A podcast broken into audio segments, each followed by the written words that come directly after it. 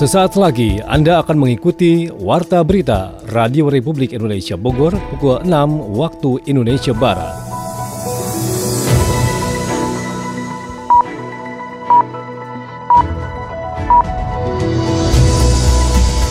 Selamat pagi, salam jumpa. Kami kembali hadir dalam Warta Berita pagi ini, Senin 21 Februari 2022. Siaran ini dapat Anda dengarkan melalui audio streaming RRI Play pada perangkat Android Anda, serta turut disiarkan Radio Tegar Beriman Kabupaten Bogor. Berikut kami sampaikan berita utama. Perajin tahu tempe di Pulau Jawa mogok produksi selama tiga hari. Sedikitnya 7.631 kendaraan diputar balikan saat penerapan sistem ganjil genap akhir pekan ini di wilayah Kota Bogor, Jawa Barat.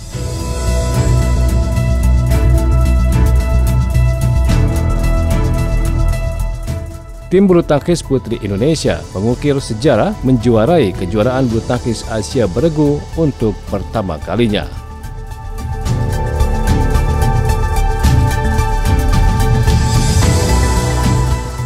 Bersama saya Abdul Rojak, inilah Warta Berita RRI Bogor selengkapnya.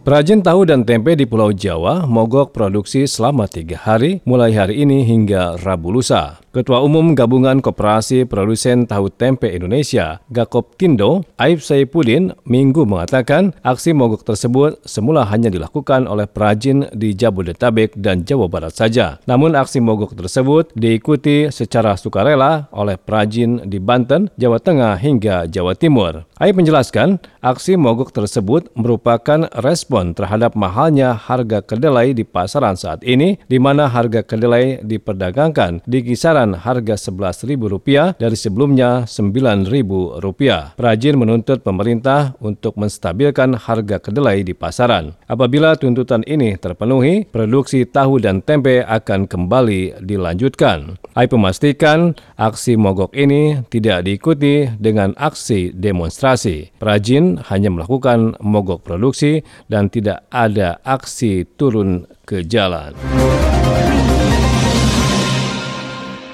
Pedagang tahu tempe di Bogor mengharapkan pembeli mengerti situasi yang terjadi saat ini. Laporan Sony Agung Saputra. Harga kedelai yang naik hingga mencapai level di atas Rp11.000 menjadi pemicu pedagang tahu tempe melakukan aksi demo berjualan selama tiga hari mulai Senin ini. Pantauan RRI pada beberapa hari menjelang aksi mogok pedagang tahu dan tempe masih menggelar barang komoditinya untuk berjualan di sejumlah pasar tradisional di kota Bogor. Salah seorang pedagang tahu dan tempe Opik menjelaskan terpaksa melakukan aksi mogok berjualan karena produsennya tidak memproduksi komoditi tersebut karena penghasilannya tergerus terus harga kedelai yang terus melonjak naik. Untuk itu dirinya mengharapkan agar pembeli dapat mengerti situasi yang saat ini terjadi sehingga bisa mencari panganan pengganti tahu dan tempe untuk sementara waktu saat aksi mogok berlangsung. Harapannya ya sama seperti sama yang lain mungkin ya. Harga bisa dikendaliin lagi gitu loh. Kacang kacangnya bisa normal lagi gitu. Nggak se drastis sekarang. Ya untuk sementara kita mungkin stop dulu produksi gitu kan. Mungkin berharapnya bisa mungkin bisa menekan menekan harga kedelai lagi gitu kali aja bisa gitu. Mulai dari tanggal 21 ya Pak ya? Pak emang, emang udah stop Pak. Cuma sambil menunggu gimana perkembangan selanjutnya gitu kan. Untuk pembeli ya ya emang udah udah waktunya kayak gitu aja untuk sementara aja gitu kan Sementara itu di Rut Perumda Pasar Pakuan Jaya, Muzakir mengungkapkan pihaknya tetap menjaga kondusivitas pasar tradisional selama pedagang melakukan aksi tersebut sehingga komoditi lain tetap menggelar barang dagangannya. Manajemen Perumda Pasar Pakuan Jaya tetap menghimbau agar pedagang tahu dan tempe melayani pembeli pada masa setelah aksi unjuk rasa berakhir pada Kamis pekan ini sehingga masyarakat tidak merasa dirugikan dalam mendapatkan komoditi itu. Kalau pantauan kita sih pedagang tetap berjualan. Cuma kalau, dari di edaran itu informasi kan pedagang juga tidak berjualan tiga hari ya, 21 sampai 23. Jadi ada dua hal sih, jadi dari sisi produsen, terus dari sisi para pedagang. Nah kalau dari produsen kan himbauan yang kami terima, mereka juga akan tidak produksi. Nah berarti kalau tidak produksi kan secara otomatis para penjual juga tidak bisa berjualan kan, tidak ada tidak ada pasokan barang. Jadi tidak produksi tiga hari 21 sampai 23. Kalau memang tidak produksi secara otomatis di pasaran juga akan akan hilang. Tapi kan ini tidak lama tiga hari ya kita berharap sih tanggal 24 dari kesepakatan yang ada ya mau nggak mau kan kalau misalnya dari sisi produsen menaikkan harga produksi tahu tempe secara otomatis harga jual di pasaran juga akan ikut naik. Pengawasan secara berkala juga akan berlangsung dari petugas di semua pasar tradisional agar masyarakat dapat berbelanja dengan aman dan nyaman saat pedagang tahu dan tempe menggelar aksi mogok karena harga kedelai yang melonjak naik. Beralih ke informasi lain lainnya, Satgas COVID-19 Kota Bogor intens melakukan pengawasan di tempat wisata guna memastikan protokol kesehatan dijalankan dengan disiplin. Adi Fajar Nugraha melaporkan. Pemerintah masih memperbolehkan tempat wisata dibuka dalam pemberlakuan PPKM level 3. Hal itu merujuk pada Inmendagri nomor 9 tahun 2022 tentang pemberlakuan PPKM level 3 di Jawa dan Bali. Sebagai wilayah aglomerasi Jabodetabek yang menerapkan PPKM level 3, Kota Bogor tidak terlepas dari destinasi wisata yang kerap dikunjungi masyarakat. Namun kali ini Pemkot Bogor melakukan sejumlah pembatasan dan ketentuan berwisata dalam PPKM level 3. Seperti dijelaskan Wali Kota Bogor Bima Arya yang meminta seluruh tempat wisata harus merujuk pada ketentuan PPKM level 3. Satgas COVID-19 dikatakannya juga akan intens melakukan pengawasan di tempat wisata guna memastikan protokol kesehatan dijalankan dengan disiplin. Ada pembatasan kapasitas, tidak boleh lebih dari 50 persen ya. Kemudian juga dipastikan semua harus menggunakan aplikasi peduli lindungi. Jadi kalau belum divaksin full nggak boleh masuk. Dan ketiga kita lakukan patroli untuk memastikan tidak ada pelanggaran, tidak ada kerumunan-kerumunan. Ya tiga langkah-langkah itu kira-kira yang kita kita lakukan untuk mengantisipasi lonjakan kasus di tempat-tempat wisata. Sementara dalam rangka menekan mobilitas masyarakat pada PPKM level 3, Satgas COVID-19 Kota Bogor ditambahkan Bima Arya masih akan memperlakukan ganjil genap kendaraan pada akhir pekan. Namun kebijakan itu menjadi situasional jika mobilitas masyarakat yang datang ke Kota Bogor terkendali. Ganjil genap berlaku secara situasional setiap akhir minggu, hari Sabtu, hari Minggu. Ini jam-jamnya diberlakukan berdasarkan angka kepadatan mobilitas yang melonjak di setiap satu minggu. Terkendali ya tidak ada juga ganjil genap itu kira-kira. Pemberlakuan PPKM level 3 di Kota Bogor tidak terlepas dari meningkatnya kasus COVID-19 varian Omikron. Pemkot Bogor meminta wisatawan yang datang ke Kota Bogor untuk tetap waspada dan tetap menjalankan protokol kesehatan dengan ketat selama beraktivitas. Masalah gini aja kamu nggak bisa urus. Maaf Pak, tapi... Nggak ada tapi-tapi. Pokoknya ini salah kamu ya. Ada apa ini ribut-ribut? Ini bos, ada klien mau sign kontrak, tapi kacau semua nih gara-gara dia nih. Kacau bagaimana? Ma maaf bos, kontraknya gagal. Soalnya dia colek-colek saya. Dih, cuma dicolek doang. Siapa suruh kamu pakai pakaian seksi kayak gitu? Jadi menurut kamu, kalau perempuan pakai pakaian seksi terjadi apa-apa, itu salah dia? Ya iyalah pak, dia pakai baju kayak gitu, wajar dong kalau digodain. Ngaco kamu, tidak ada satu wanita pun yang layak untuk dilecehkan. Nggak peduli seperti apa penampilannya. Saya lebih baik kehilangan kontrak besar daripada terjadi pelecehan di kantor ini. Bukan masalah dia berpakaian seperti apa, tapi kita yang harus mengendalikan diri kita. Hargailah perempuan sebagaimana kamu ingin dihargai. Sedikitnya 7.631 kendaraan diputar balikan saat penerapan sistem ganjil genap akhir pekan ini di wilayah Kota Bogor, Jawa Barat. Kasat Lantas Polresta Bogor Kota, Kompol Galih Apria, menjelaskan jumlah kendaraan yang diputar balikan terdiri atas 5.128 kendaraan roda 2 dan 2.503 kendaraan roda 4. Jumlah tersebut menurun dibandingkan akhir pekan sebelumnya yang biasanya lebih dari 10.000 kendaraan. Kasat Lantas mendukung penurunan volume kendaraan disebabkan beberapa faktor seperti meningkatnya kasus COVID-19 dan kesadaran masyarakat terkait aturan ganjil genap. Ia berharap pemberlakuan ganjil genap setiap akhir pekan memberikan dampak positif dengan menurunnya kasus COVID-19. Kementerian Pertanian mengajak milenial mengembangkan smart farming. Sony Agung Saputra menyampaikan laporannya. Perkembangan dunia pertanian di Indonesia melaju pesat seiring dengan adanya kecanggihan teknologi yang ada di dunia. Momentum itu harus menjadi penyemangat bagi generasi muda milenial untuk mengembangkan dunia agrobisnis yang menjanjikan untuk pasar domestik dan internasional. Untuk itu, Politeknik Pembangunan Pertanian Polbang Tan Bogor dan instansi di bawah Kementerian Pertanian melakukan akselerasi pengembangan petani milenial dengan adanya sejumlah testimoni dari pengusaha yang berhasil mengembangkan usaha pertanian dan dan peternakan. Salah seorang pabrik figur yang juga pengusaha peternakan asal Bandung Barat, Jenita Janet, mengungkapkan banyak ruang yang bisa digarap kaum muda milenial untuk berhasil dalam dunia agrobisnis. Pengembangan usaha juga harus memperhatikan berbagai sektor dengan adanya penyuluh dari Kementerian Pertanian bisa menjadikan penghasilan menjanjikan dari sektor agrobisnis. Memanfaatkan peluang. Kalau ada peluang pasti ada kesempatan. Nah, makanya ini ini udah ada peluangnya nih. Ah, kenapa saya bilang peluang? Ternyata di pertanian peternakan itu menghasilkan cuan yang luar biasa. Kita jauh-jauh pengen kerja jadi apa jadi apa jadi apa. Ya ampun ternyata di sekitar kita aja bisa kita manfaatkan banget ya. di zaman yang tidak menentu seperti sekarang ini. Ternyata lahan itu bisa kita pakai lahannya bisa dipakai, ternaknya bisa kita besarkan, dan ternyata itu sekarang dipermudah dengan adanya kredit faktur itu kan. Jadi benar-benar menurut saya ini sangat-sangat menolong nih. Nah kata bapak, oh sekarang mah enak nih, nggak ribet karena kita pakai semuanya tuh digitalisasi.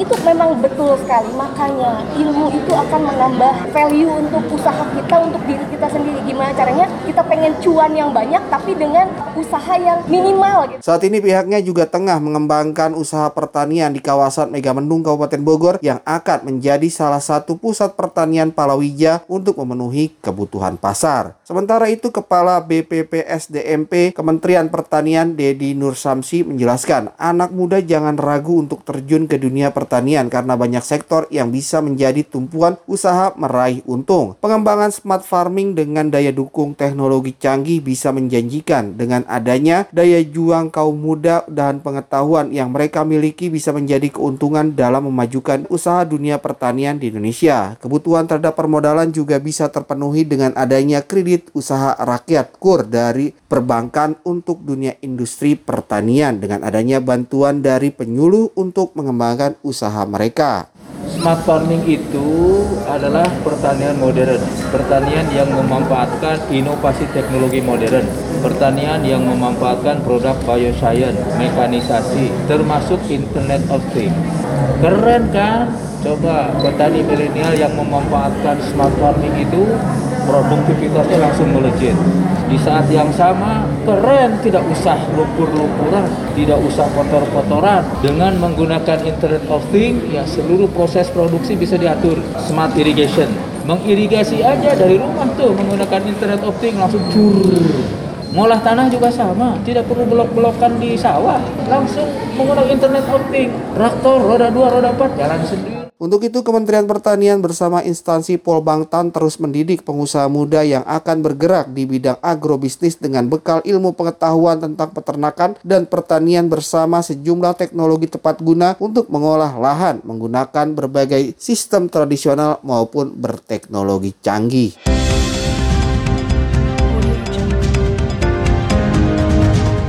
Anda masih mendengarkan Warta Berita RRI Bogor. Info ekonomi lainnya, Asosiasi Pengusaha Retail Indonesia memastikan ketersediaan minyak goreng di toko retail mulai akhir bulan Februari 2022. Perajin tahu tempe melakukan mogok produksi selama tiga hari. Info ekonomi disampaikan Adi Fajar Nugraha. Persoalan pasokan minyak goreng tidak kunjung usai. Banyak masyarakat yang kesulitan mendapat pasokan minyak goreng dengan harga yang baru yang ditetapkan pemerintah per 1 Februari 2022 lalu. Kebijakan baru ini menyebabkan banyak masyarakat yang malah melakukan aksi borong demi mendapatkan minyak goreng harga terbaru yang jauh lebih murah dibandingkan dengan sebelumnya. Hal tersebut membuat stok minyak goreng menjadi jarang ditemukan, terlebih lagi dengan persediaan di toko retail modern yang terbatas. Ketua Umum Asosiasi Pengusaha Retail Indonesia Roy Nicholas Mande mengatakan bahwa persediaan minyak goreng di toko retail akan mulai tersedia di akhir bulan Februari 2022 ini. Roy juga berharap jika nantinya persediaan minyak goreng bisa tersebar secara menyeluruh, bukan hanya di toko retail tetapi juga di pasar tradisional. Tentunya harga minyak goreng yang akan segera tersedia di akhir bulan ini sesuai dengan ketentuan harga dari pemerintah. Rinciannya harga eceran tertinggi atau HET untuk minyak goreng kemasan premium adalah Rp14.000 per liter, kemasan sederhana Rp13.000 per liter, dan kemasan curah menjadi Rp11.500 per liternya. Ia juga menambahkan nantinya masyarakat tidak perlu susah-susah mencari persediaan minyak goreng di toko retail, tetapi juga tersedia di pasar tradisional. Menurutnya sekarang sudah tidak ada masalah lagi, sehingga diharapkan persediaan minyak goreng bisa segera tiba dan disalurkan ke masyarakat. Harga kedelai tengah melonjak, membuat para perajin tahu dan tempe semakin pusing. Mereka pun melakukan mogok produksi selama tiga hari sejak hari ini hingga Rabu mendatang. Sampai saat ini kebutuhan kedelai untuk industri tahu dan tempe sendiri memang dipenuhi dari impor. Kementerian Pertanian pun mengakui produksi kedelai dalam negeri sangat terbatas sehingga pemasukan kedelai impor menjadi jalan keluar pemenuhan kebutuhan kedelai dalam negeri. Direktur Aneka Kacang dan Umbi Kementerian Pertanian Yuristianto mengatakan pihaknya sedang melakukan berbagai upaya untuk membangkitkan produksi kedelai nasional nasional. Salah satunya mendorong petani kembali tertarik menanam kedelai. Ia mengatakan di tahun 2022, Kementerian Pertanian memfasilitasi pengembangan kedelai seluas 50 ribu hektar. Sebagai informasi menurut Ketua Umum Gabungan Koperasi Produsen Tempe Tahu, Aib Syafrudin, mengungkapkan 90% kebutuhan kedelai untuk produksi tempe dan tahu dipenuhi dari kedelai impor. Makanya saat ini harga kedelai tengah mahal. Harga tahu dan tempe terimbas mahal. Menurut Aib, kedelai lokal bisa digunakan untuk memproduksi tahu dan tempe, tetapi hal itu tidak memungkinkan. Alasannya karena jumlah produksi kedelai lokal jumlahnya tidak mencukupi kebutuhan para pengrajin.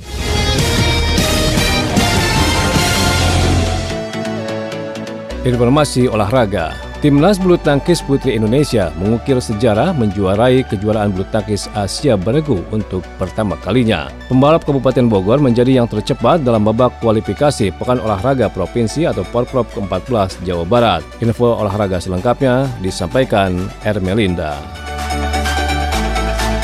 Timnas bulu tangkis putri Indonesia mengukir sejarah dengan menjuarai kejuaraan bulu tangkis Asia Bergu BATC untuk pertama kalinya pada edisi 2022 yang berlangsung di Selangor, Malaysia pada hari Minggu. Pencapaian bersejarah ini dihasilkan setelah skuad Garuda Putri menundukkan tim Korea Selatan dengan skor 3-1. Skor penentu dicetak oleh Gandanita Violina Marwah dan juga Lani Tria Mayasari saat keduanya mengalahkan Kim Min Ji dan Park Min Jong 2-3-2-1, 2-1 1-11 dalam durasi 34 menit. Kegembiraan timnas Indonesia semakin lengkap saat bendera merah putih pun ikut dikibarkan pada tiang tertinggi diiringi lagu kebangsaan Indonesia Raya yang ikut berkumandang di dalam arena Setia City Convention Center. Selain Nita dan Lani yang menjadi partai penentu, dua angka kemenangan lain dipersembahkan oleh pebulu tangkis tunggal Putri Gregoria Mariska Tunjung dan Putri Kusuma Wardani.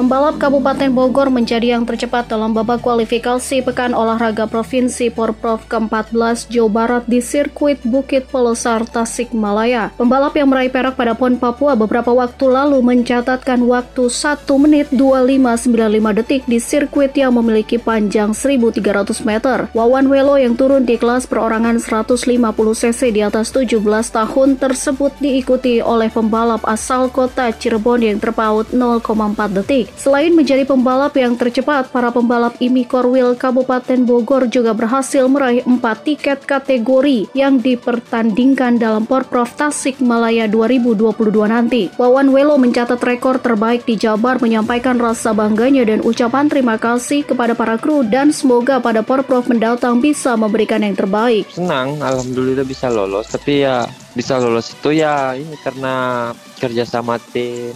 Ya terima kasih kepada kru, pengurus ini sudah kerjasama dan kerja kerasnya yang begitu luar biasa dan bisa lolos ke Porda 2022 ya. Selain Wawan Welo, beberapa atlet IMI Kabupaten Bogor yang juga berlaga dalam PK lalu sama-sama menghasilkan raihan yang terbaik. Angga Ramadan yang turun di kelas perorangan 150 cc di bawah 17 tahun juga berhasil meraih posisi ketujuh dengan mencatatkan waktu terbaik 1 menit 3568 detik. Hasil yang mengejutkan datang di kategori 150 cc bergu di atas 17 tahun. Dua pembalap bergu Wawan Welo dan Abdul Aziz berhasil meraih posisi pertama pertama dengan mengumpulkan poin 12. Dalam balapan tersebut, Wawan Welo meraih posisi kedua dengan waktu terbaik 1 menit 2735 detik, sedangkan Abdul Aziz berada di posisi ke-10 dengan catatan waktu terbaik 1 menit 365 detik. Sedangkan pembalap beregu 150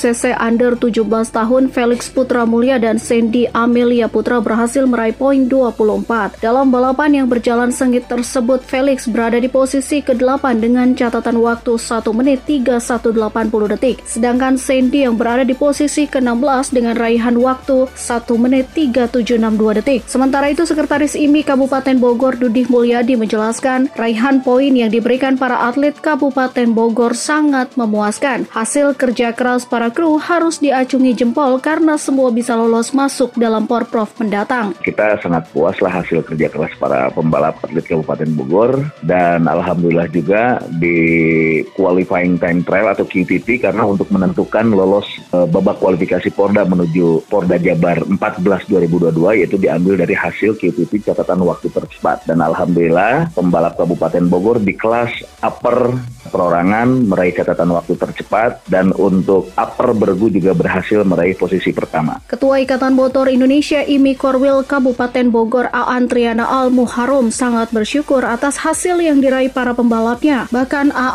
juga berucap bahwa dirinya yakin para pembalap Kabupaten Bogor kembali bisa meraih juara umum dalam Porprov mendatang.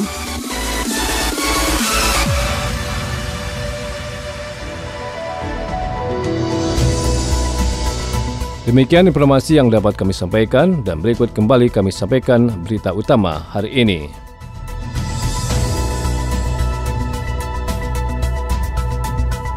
Perajin tahu tempe di Pulau Jawa mogok produksi selama tiga hari. Sedikitnya 7.631 kendaraan diputar balikan saat penerapan sistem ganjil genap akhir pekan ini di wilayah Kota Bogor, Jawa Barat. Tim bulu tangkis putri Indonesia mengukir sejarah menjuarai kejuaraan bulu tangkis Asia beregu untuk pertama kalinya. Mewakili kerabat kerja yang bertugas hari ini, saya Abdul Rojak mengucapkan terima kasih. Selamat pagi.